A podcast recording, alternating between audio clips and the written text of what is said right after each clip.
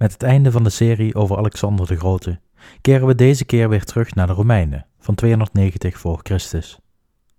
De Romeinen hebben zojuist de Samnieten verslagen en het grondgebied bij de Romeinse Republiek gevoegd. De steden zijn ontdaan van de vijandelijke bestuurders en daarvoor in de plaats zitten bestuurders die Rome een warm hart toedragen. Binnen de steden worden barakken geplaatst met soldaten die een oogje in het zeil houden en de aandacht van Rome kan dan eindelijk geconcentreerd worden op de belangrijke zaken.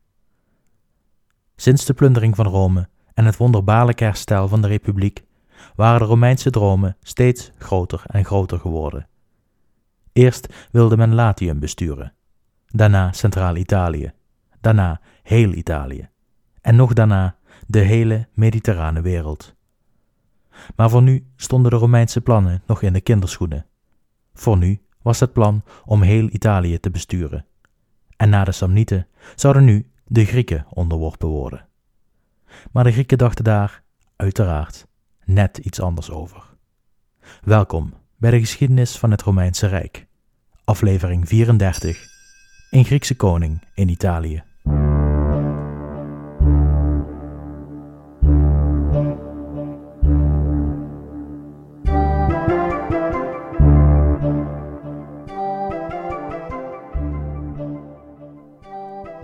De steeds verdere uitbreiding van de Republiek zuidwaarts en de agressieve toe-eigening van land in Zuid-Italië kwamen de Grieken in Magna Grecia langzaam maar zeker in het nauw.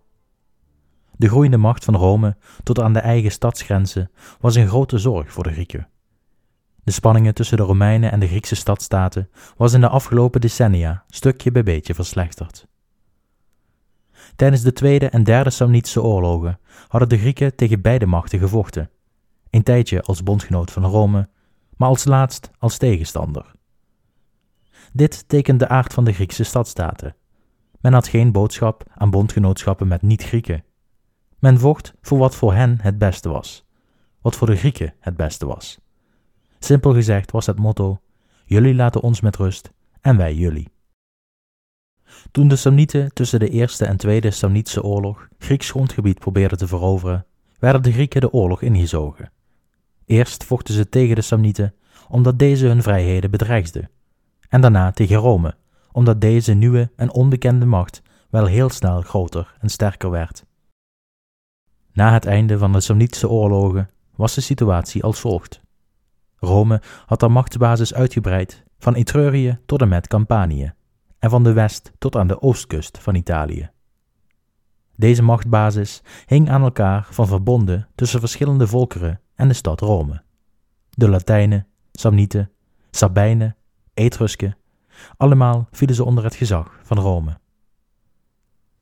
Met het einde van de Samnitische oorlogen en de winst tegen de Etrusken, Samnieten en Galliërs hadden de Romeinen een formidabel leger, zonder een tegenstander om deze tegen in te zetten. En dus werd er al snel gekeken naar nieuwe landen om te veroveren, om de droom van een verenigd Italië te bewerkstelligen. Voor deze uitbreiding werd door de Senaat gekeken naar het zuiden, naar Magna Grecia. In Magna Grecia lagen de Griekse stadstaten. Eeuwen geleden waren ze vanuit Griekenland naar het land ten westen gevaren om de kusten van Zuid-Italië te koloniseren en te bevolken. Eenmaal daar werd het gebied net als Griekenland zelf ingericht, met aparte stadstaten die volledig onafhankelijk van elkaar opereerden. Ook de grote machten van het moederland bemoeiden zich niet met deze stadstaten, en ze ondernamen dan ook geen pogingen de steden onder hun gezag te krijgen. Een enkele keer is er vanuit Griekenland een leger richting Magna gestuurd. Tijdens de Peloponnesische oorlog werd door Athene de Siciliaanse expeditie uitgevoerd, wat uitliep op een drama. Deze gebeurtenis zou ervoor hebben gezorgd dat de Grieken niet meer zo'n trek hadden om troepen te sturen naar het land ten westen. Daarbij hadden ze natuurlijk genoeg kopzorgen met de verdediging van Griekenland tegen de Perzen, ontelbare onderlinge oorlogen en daarna de campagne van Alexander in het oosten. Tweemaal daarna hebben Sparta en Epirus nog eens een leger naar Italië gestuurd. Laatstgenoemde werd aangestuurd door Alexander van Epirus, die we enkele afleveringen geleden al eens benoemd hebben. Maar als het moederland de leiding over Magna Grecia niet had, wie dan wel? Zoals gezegd waren ze in sterke mate onafhankelijk. Maar de stadstaat met de grootste vinger in de pap was Tarentum. Dit was de grootste Griekse stadstaat op het Italiaanse vasteland en had al decennia lang de leiding in Magna Grecia op het vasteland van Italië. In Magna Grecia op Sicilië was dit de stad Syracuse, die zich vooral bezighield met het besturen van het eiland zelf. Het was dan ook de stad Tarentum, welke tijdens en na de Samnitische oorlogen in de clinch kwam te liggen met de Romeinen. Jarenlang had Tarentum de lakens uitgedeeld in Magna Grecia, en wanneer er onderlinge problemen waren, kwamen de Grieken van Magna Grecia naar Tarentum om een oplossing te forceren. Griekse problemen werden door de Grieken opgelost en door niemand anders. Dit veranderde langzaam maar zeker tegen de zin van Tarentum in.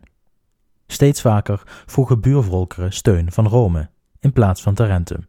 En na de Samnitische oorlogen zocht Rome actief naar bondgenoten binnen Magna Grecia. Zo kon het dat de spanningen opliepen tussen deze beide machten, tot het uiteindelijk tot een uitbarsting leidde.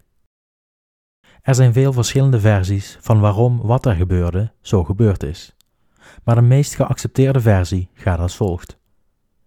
Na de Samnitische oorlogen werd Samnium bezet door de Romeinen. Maar niet direct was alles koek en ei in de nieuw veroverde gebieden. In de jaren na de oorlogen ontstonden vele rebellies en met name de Lucani, een Oskisch sprekend volk dat leefde in het bergachtige zuiden van Italië, bleken zich niets aan te trekken van de groeiende macht van Rome. Ze vielen met regelmaat Magna Grecia binnen om plunderingen uit te voeren. Steeds gingen ze verder en verder, de Griekse stadstaten waren niet in staat zich te verenigen en dus konden zij geen vuist maken tegen de Lucani. Toen in 285 voor Christus, vijf jaren na het einde van de derde Samnitische oorlog, de Lucani de Griekse stad Turi volledig omsingeld hadden en ze begonnen met de belegering, stuurde deze stad in roep om hulp, niet naar Tarentum, maar naar Rome. De Romeinen namen geen halve maatregelen de hulpvraag van Turi werd uiterst serieus genomen en er werd een leger naar het zuiden gestuurd en na een kort gevecht werd de belegering gebroken en was Turi gered. Maar waarom hielpen de Romeinen Turi? Het was een Griekse stad die werd aangevallen door Oskun. Met beide partijen had Rome niets te maken. Rome zag echter simpelweg een kans om een machtsbasis te krijgen in Magna Grecia, een permanente basis op te zetten in de stad en de macht en het aanzien van Tarentum in hak te zetten. Het was de kenmerkende passief-agressieve tactiek dat inmiddels in Romeinse traditie was geworden. Zoals ze in Samnium koloniën opzetten in vijandelijk gebied, deden ze in Magna Grecia hetzelfde, maar met bestaande steden. Vanaf dit moment liep de spanning pas echt op. Tot op heden was Tarentum alleen bang geweest voor de intentie van Rome maar nu bleek de intentie uitgevoerd te gaan worden. Het stadsbestuur van Tarentum was woedend over de gang van zaken. Turi had de Grieken moeten vragen om hulp, en niet de barbaren van Centraal-Italië. De zorgen namen hierna nog meer toe, toen nog meer Griekse steden eenzelfde verdrag met Rome sloten om zich zeker te stellen van bescherming van de nieuwe grootmacht op het Italiaanse vasteland. Tarentum zag haar invloed bij steeds meer steden wegvallen en de Romeinen steeds meer invloed vergaren in Magna Grecia. De vlam zou niet veel later in de pan slaan. Op een dag deed de volgende situatie zich voor. Rome en Tarentum hadden een generatie voor dit alles aan dezelfde kant van een oorlog gevochten tegen de Etrusken, Galliërs en Samnieten. En om de samenwerking vast te leggen werd er een verdrag gesloten tussen de Grieken en Romeinen. Een van de bepalingen in dit verdrag maakte dat Romeinse schepen niet voorbij een bepaalde grens mochten komen in de zuidelijke zee van Italië. Toen op een dag, ergens in 283 voor Christus, een Romeinse vloot aan de zuidkant van het Italiaanse vasteland langsvoer, werden zij gedwongen om tegen het verdrag in de baai bij Tarentum in te varen, om aldaar de ankers uit te werpen. Waarom de Romeinen hun ankers hier uitwierpen, is niet geheel duidelijk maar de kans is groot dat een storm de kop opstak, dat een verblijf op open zee onmogelijk maakte. Wat de oorzaak ook is, de Romeinen staken de theoretische grens op zee over en verbraken hiermee het verdrag dat zo'n dertig jaren eerder was gesloten met de Tarentijnen. Het toeval bepaalt dat er net op die dag een festival gaande was in Tarentum, ter ere van de wijngod Dionysos. De verering van deze god bracht uiteraard voldoende inname van de alcoholische drank met zich mee. De feestvierende bevolking was onder invloed, zo zou je kunnen stellen. Men denkt dan ook dat dit heeft meegespeeld in de beslissing die de Grieken die avond namen. Met de hoge spanningen in het achterhoofd en de angst van de bevolking van een uiteindelijke overname van hun stad door Rome, zagen zij aan de horizon ineens een tiental Romeinse schepen verschijnen, een duidelijke overtreding van het verdrag. De commotie liep hoog op onder de Grieken. En in plaats eerst contact te zoeken met de Romeinen, bracht hun beschonken staat hen naartoe direct de oorlogsschepen te bemannen en de Romeinen tegemoet te varen. Ze gingen direct in de aanval, en de verankerde schepen van de Romeinen waren een makkelijk doelwit. De schepen werden vernietigd, de leider gedood en de bemanningsleden werden gevangen genomen. In Tarentum, dat toen de tijd nog een democratie was, werden alle mannen bijeengeroepen om te overleggen wat de volgende stap zou zijn. De oudere generatie was voor in onderhandeling met de Romeinen om een verdere escalatie te voorkomen. Maar de jongere generatie was iets meer populistisch ingesteld en ze vonden dat de verbreking van het verdrag bestraft moest worden. Ze lieten het leger verzamelen en trokken diezelfde avond nog door naar Turi. De stad werd belegerd en ingenomen, de gebouwen gesloopt, de Griekse bevolking gevangen genomen en naar Tarentum gebracht, en het Romeinse garnizoen werd de stad uitgejaagd. De Tarentijnen gaven de inwoners van Turi de schuld van de verbreking van het verdrag door Rome, door de Romeinen in de stad toe te laten. Maar veel erger nog, ze hadden meer vertrouwen in de barbaarse Romeinen getoond dan in hun eigen Griekse landgenoten. Toen in Rome bekend was geworden wat er was gebeurd in de golf van Tarentum en in de stad Turi, waren de Romeinen not amused. De Senaat stuurde de dag na het incident direct gezanten naar Tarentum toen de gezanten de stad binnenkwamen, werden de mannen bij elkaar geroepen in het theater om het Romeinse voorstel aan te horen. De Romeinen eisten dat de bemanningsleden werden vrijgegeven, dat de bewoners van Turi terug mochten keren, dat de schade aan de stad hersteld werd, dat de geplunderde bezittingen zouden worden teruggegeven en dat de daders zouden worden overgegeven aan de Romeinen. Tijdens het aanhoren van de Romeinse eisen liet de Tarentijnse bevolking zich van zijn slechtste kant zien. Wellicht omdat ze nog hoofdpijn hadden van de avond ervoor, of omdat ze zich gesterkt voelden door wat ze gepresteerd hadden ten opzichte van de Romeinen.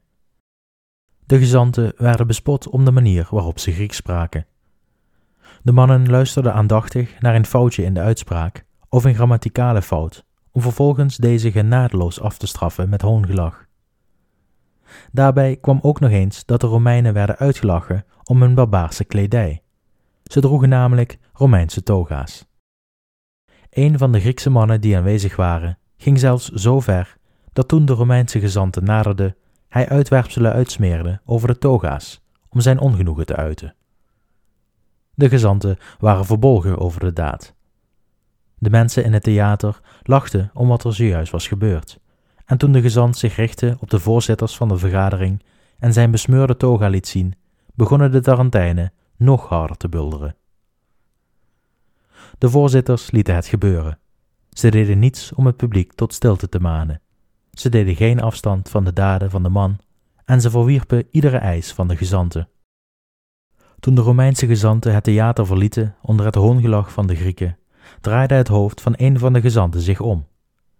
Het was het hoofd van de ex-consul Postumius, en hij sprak vervolgens in niet mis te verstaande woorden.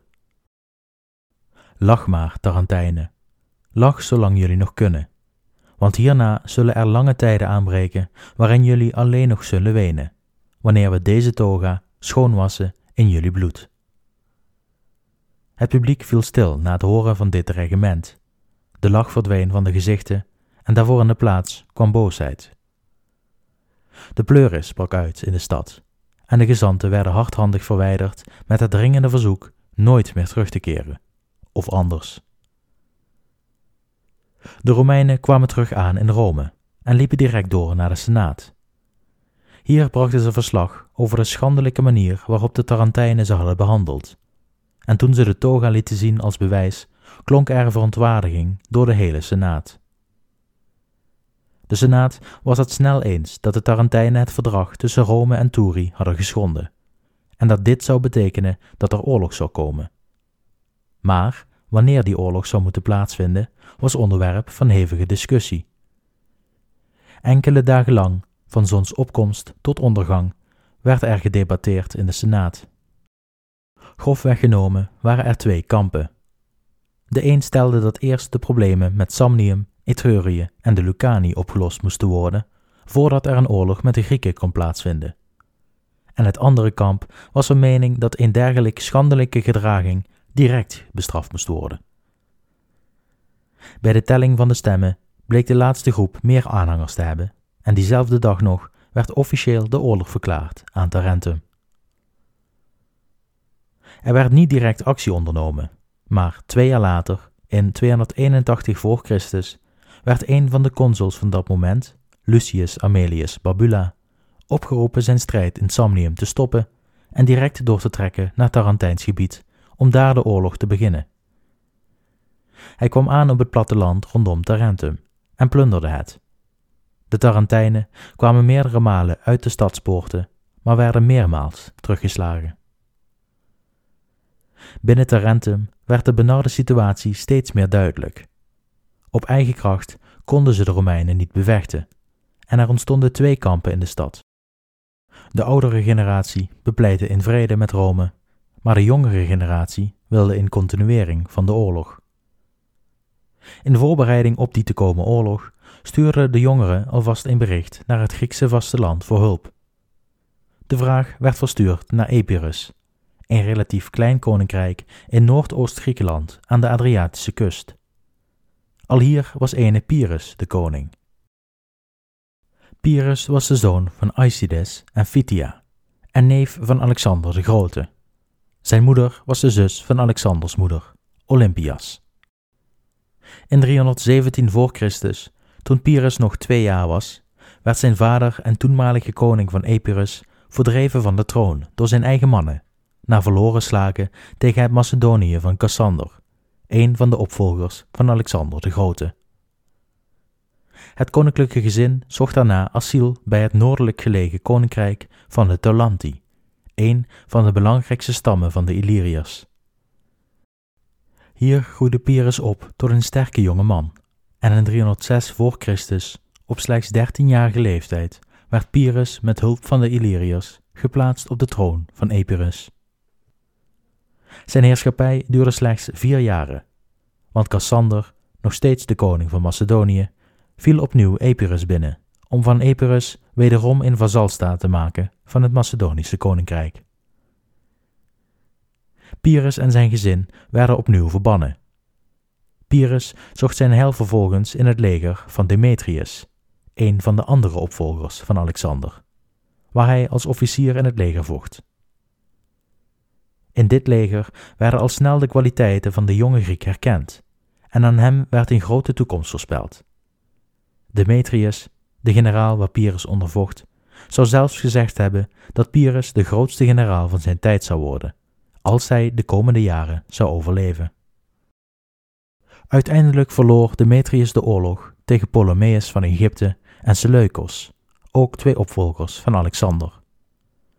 Er werd een vrede afgesproken en Pyrrhus werd als gijzelaar meegestuurd met Ptolemeus naar Alexandrië. Het in gijzeling nemen van belangrijke personen was in het klassieke tijdperk zeer gebruikelijk. Het was een tactiek om ervoor te zorgen dat beide kanten zich aan het verdrag zouden houden, aangezien hun familieleden in de handen van de ander verkeerden. Het was echter bij lange na niet zo dat de gijzelaars slecht behandeld werden. Sterker nog, de belangrijke gijzelaars als prinsen kregen een hoffelijke behandeling. Zo ook Pyrrhus. Tijdens zijn verblijf in Alexandrië viel hij op door zijn moed, doorzettingsvermogen en zijn vechtskunst. Hij imponeerde Ptolemeus met zijn jachtkunsten en de relatie tussen de twee werd alsmaar sterker. Zo sterk zelfs dat Ptolemeus zijn dochter uithuwelijkte aan Pyrrhus. Uiteindelijk, in 297 voor Christus, tijdens de derde Samnitische oorlog, stuurde Ptolemeus Pyrrhus terug naar Epirus, met een leger en een berg aan geld om zijn koninkrijk terug te krijgen. Het lukte Pyrrhus om de usurpator die in Epirus op de troon zat te verjagen, en hij werd wederom de koning van Epirus.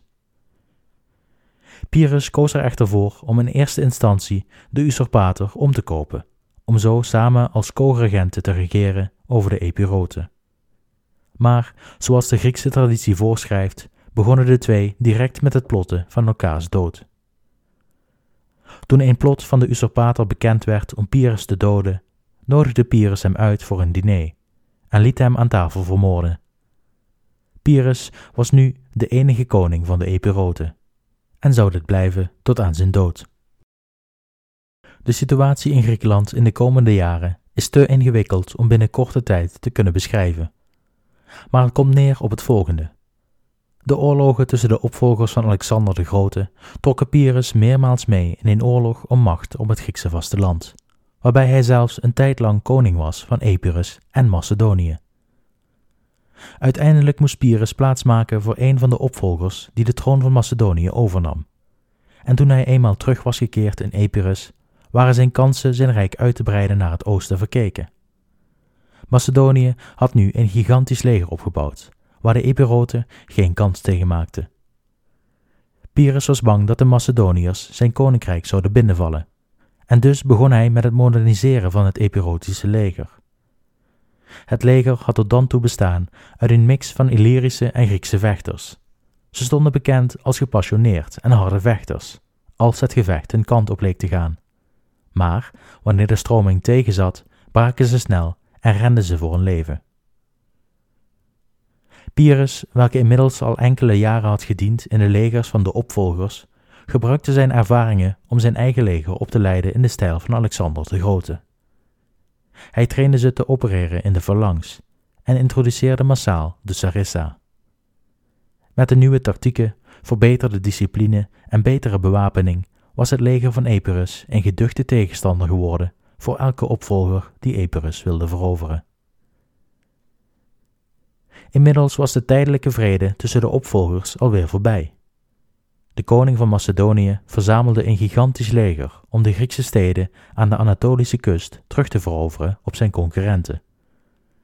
Maar met Pyrrhus aan zijn westgrens wilde hij er zeker van zijn dat deze niet nogmaals misbruik zou maken van de afwezigheid van een koning in de Macedonië.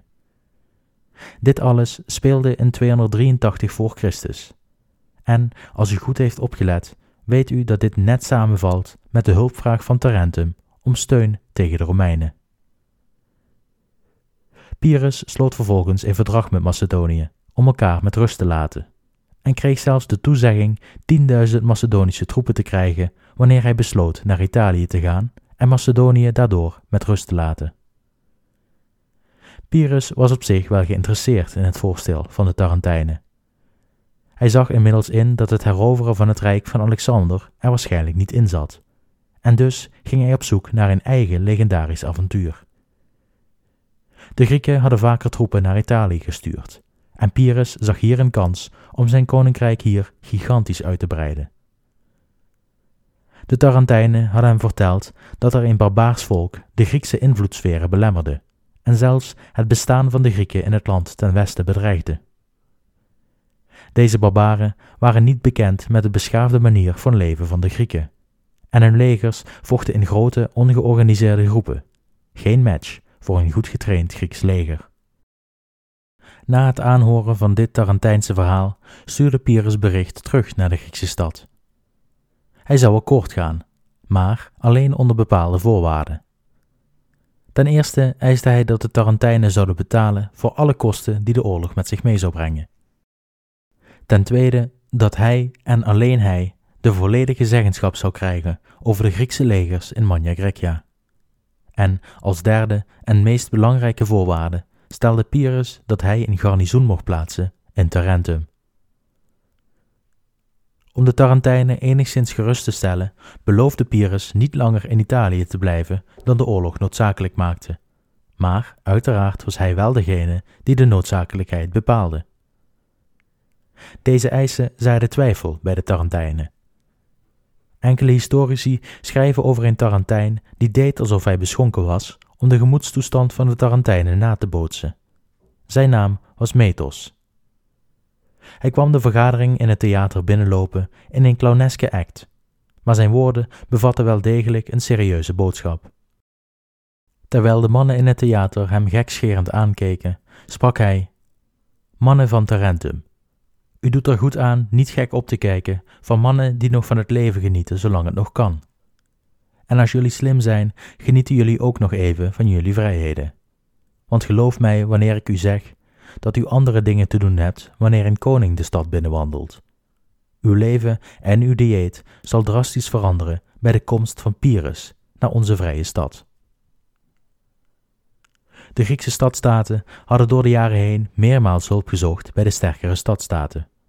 Meestal met als voorwaarde om troepen te leveren wanneer nodig, maar ook meermaals was de eis op tafel gekomen om een garnizoen te plaatsen in de stad.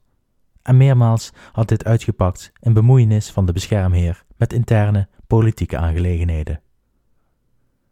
De Tarentijnen zetten hun autonomie op het spel door Pyrrhus de stad binnen te laten, en dus was het logisch dat de vergadering er hard aan toe ging. Ondanks de angsten van de Tarentijnen voor Pyrrhus waren de angsten voor Rome van dien aard dat de populistische jongeren Methos uit het theater verwijderden en vervolgens voor de oorlog stemden. De eisen van Pyrrhus werden aangenomen, en niet veel later vertrokken de Tarentijnse schepen richting Epirus om het leger van Pyrrhus naar het Italiaanse vasteland te brengen. In 280 voor Christus stak Pyrrhus de Adriatische Zee over, met 20.000 voetsoldaten, 3000 ruiters, 2000 boogschutters en 20 krijgsolifanten. In cadeau van Ptolemeus II van Egypte, waar Pyrrhus mee was opgegroeid tijdens zijn gijzeling. Het verplaatsen van 20 olifanten over de Adriatische Zee is een prestatie op zich. In de geschiedenis zijn enkele vergelijkbare situaties geweest zoals Hannibal die de Rhône overstak met zijn olifanten. Hij moest hiervoor grote vlotten laten bouwen en deze bedekken met zand, stro en andere natuurlijke zaken, zodat de olifanten dachten dat ze op vast land zouden staan. Maar toen de dieren eenmaal vertrokken van de oever naar de overzijde, raakten velen van hen in paniek en renden ze in willekeurige kant op, met vaak in verdrinking tot gevolg. Antipater had voor Pyrrhus al olifanten verplaatst van Azië naar Europa via de Hellespont. Ook dit was geen succesvolle onderneming geweest, daar ook deze olifanten in paniek raakten en enkele van hen in de Hellespont verdwenen. Hoe Pyrrhus ervoor zorgde dat de dieren, die ieder een paar ton wogen, zich rustig hielden in de schepen, is onbekend. Maar rustig hield hij ze. Hij kwam aan met alle twintig olifanten ongedeerd op de kusten van Apulië. Het leger van Epirus was zo groot dat de Tarentijnen meerdere keren op en neer moesten varen om alle soldaten Italië in te krijgen. Pyrrhus wachtte niet op zijn volledige leger en trok alvast met 2000 man naar Tarentum. Hier hield hij zich rustig om de Tarentijnen niet tegen de schenen te schoppen, zolang hij nog maar zo'n klein leger had onder zijn bevel. Toen het voltallige leger zich bij hem voegde, trok hij de riem stevig aan. Hij liet de openbare badhuizen sluiten. Sportevenementen en festivals werden verboden. Het luxueuze leventje van de Tarentijnen was voorbij. Hij liet de mannen van militaire leeftijd verzamelen en dagelijks hard trainen om in zijn leger te kunnen dienen. Veel mannen ontvluchtten de stad om dienst te voorkomen. De getrainde Tarentijnen werden vervolgens opgedeeld en ondergebracht bij Epiroten en Macedoniërs om te voorkomen dat ze zich zouden samenvoegen en een bedreiging zouden vormen voor Pyrrhus. Tarentum voelde al vrij snel de nadelen die het over zichzelf had uitgeroepen door het binnenhalen van een koning.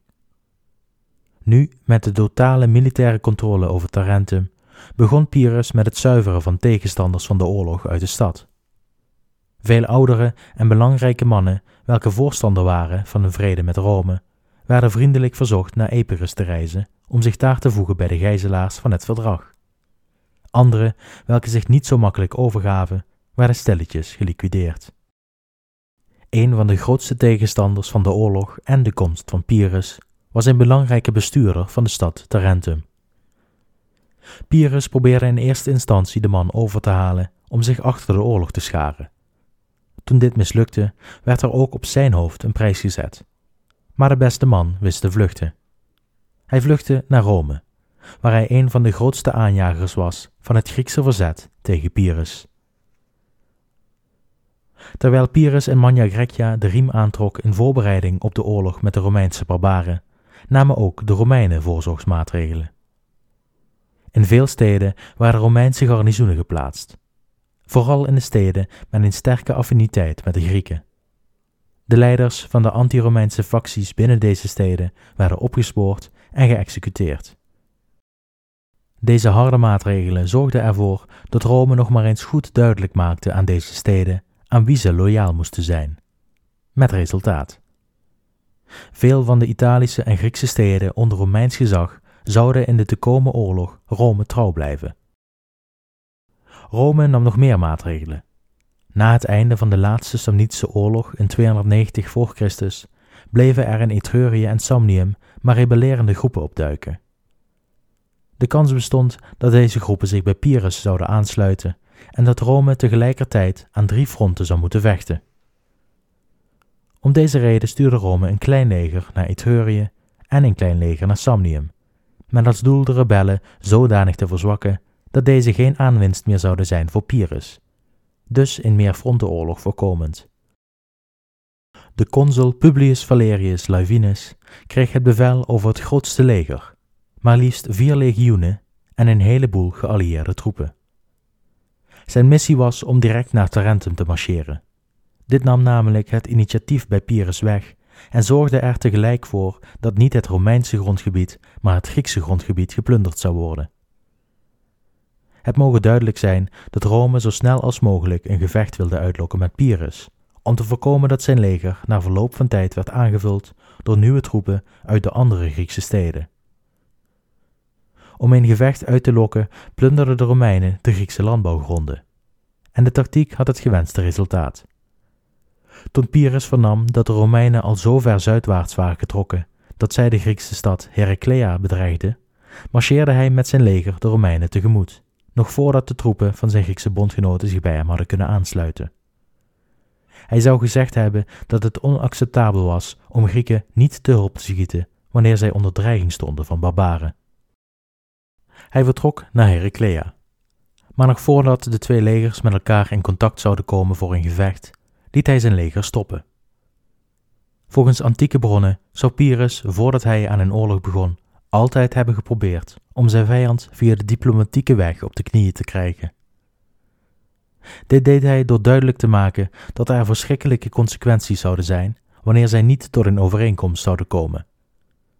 Hij probeerde zijn vijanden te overtuigen met hun eigen belangen, die geschaad zouden worden bij een oorlog, en de verschrikkelijke misère die het teweeg zou brengen.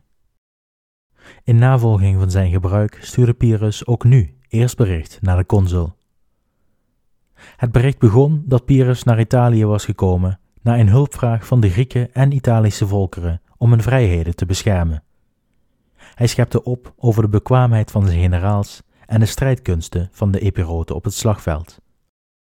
Daarna bood hij aan te arbitreren tussen Rome en zijn bondgenoten om voor volledige gerechtigheid te zorgen. Deze gerechtigheid zou volgens Pyrrhus betekenen dat de Romeinen voor de schade moesten betalen die zij hadden aangericht aan alle bondgenoten van Pyrrhus, en moesten zij alle gevangenen en gijzelaars aan hem overdragen.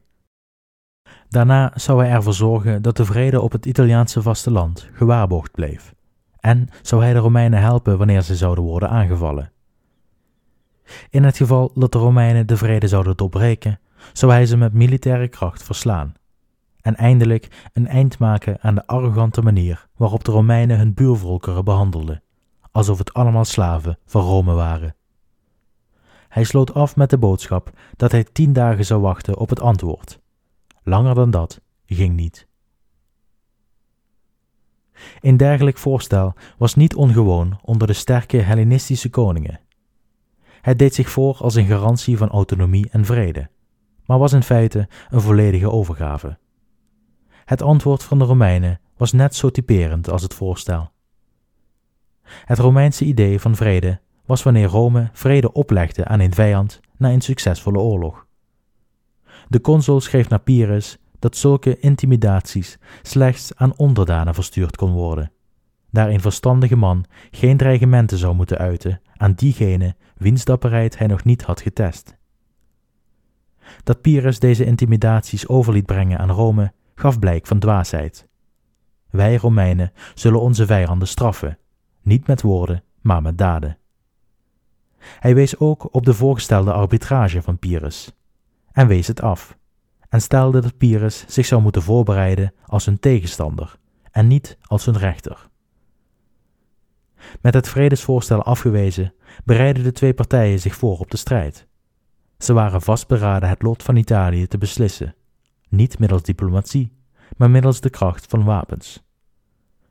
De te komen slag zou plaatsvinden net buiten Heraclea, waar Pyrrhus erachter komt dat het door Tarentum geschetste beeld van een barbaarse tegenstander in de verste verte onwaar was. Aan de vooravond van de slag bij Heraclea zijn we aangekomen bij het einde van deze aflevering. Over twee weken zien we het resultaat van het gevecht en volgen we Pyrrhus terwijl hij Italië doorkruist en op een afstand de rook van de huizen in Rome ziet opstijgen. Ik hoop dat de aflevering u weer heeft weten te bekoren. En zoals altijd, bedankt voor het luisteren en tot de volgende keer.